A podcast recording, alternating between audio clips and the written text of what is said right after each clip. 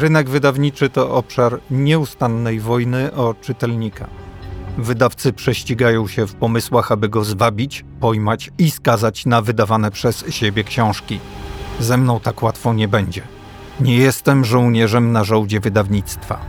Nikt mi nie płaci za słodzenie, tak więc nie koloryzuję i nie podlizuję się. Nazywam rzeczy po imieniu, tak jak na to zasługują. Czytam i nie boję się o tym mówić. Zachęcam lub zniechęcam. Bukwan.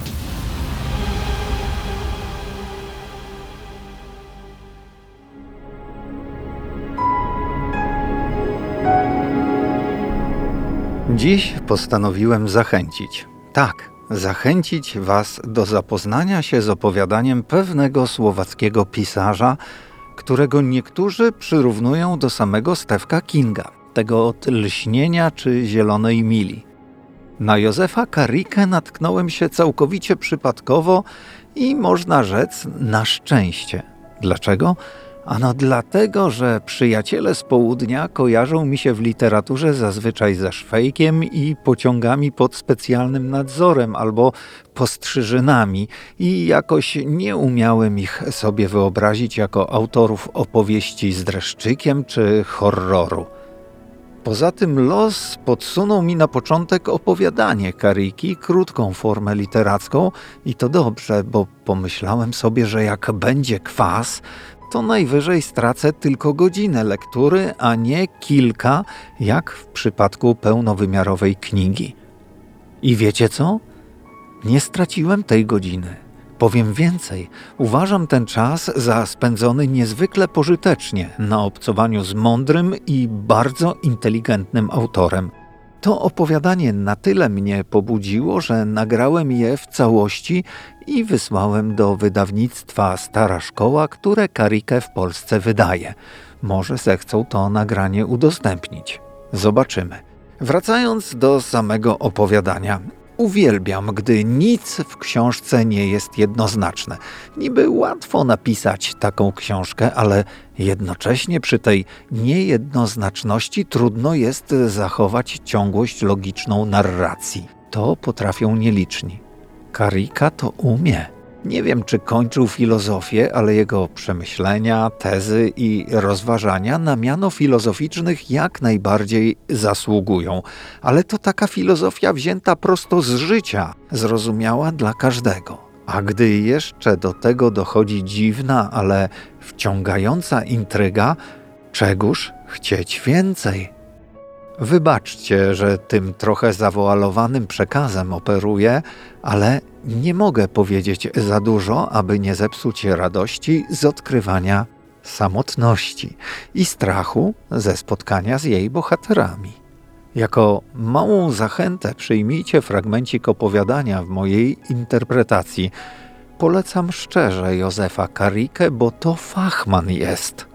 Niebawem przystępuję do czytania jego powieści, jednej z dziewiętnastu, które do tej pory wydał. No i nie omieszkam wam o niej za czas jakiś opowiedzieć. A póki co, przygotujcie się na podróż życia. Na peron właśnie wjeżdża pociąg do Żyliny.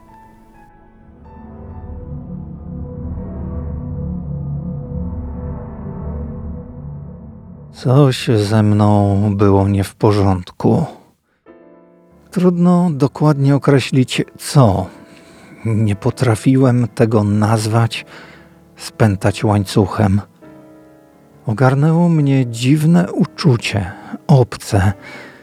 Nigdy wcześniej go nie zaznałem. Jakiś rodzaj nastroju, samopoczucia, w które się zapadałem. Z początku pojawiało się tylko czasami, gdy byłem wyczerpany. Potem nadchodziło częściej.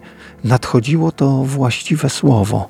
Wprawdzie był to mój własny nastrój, mój własny stan, ale nie miałem nad nim kontroli. Nie przypominało to emocji, ponieważ je umiałem przynajmniej częściowo tłumić, a niekiedy nawet całkiem eliminować.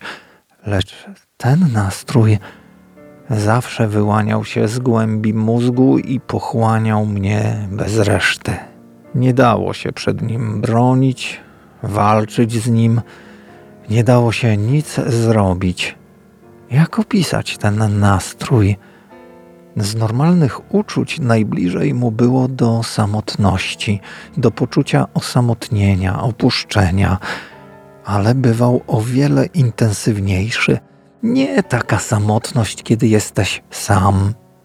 Było to jak taka samotność, gdy własne istnienie wydaje ci się nadliczbowe, kiedy czujesz, że znikasz z tkanki świata i społeczeństwa, że jesteś naroślą, wypukliną, czymś wystającym spoza tej doskonale jednolitej powierzchni. Jesteś całkowitym, wszechogarniającym przeciwieństwem. Nie jesteś sam dlatego, że wszyscy cię opuścili lub nie ma ich przy tobie. Jesteś sam przez to, że żyjesz. Ten podcast sponsorowany jest przez autora. Z prostego powodu. Nikt inny się nie zgłosił.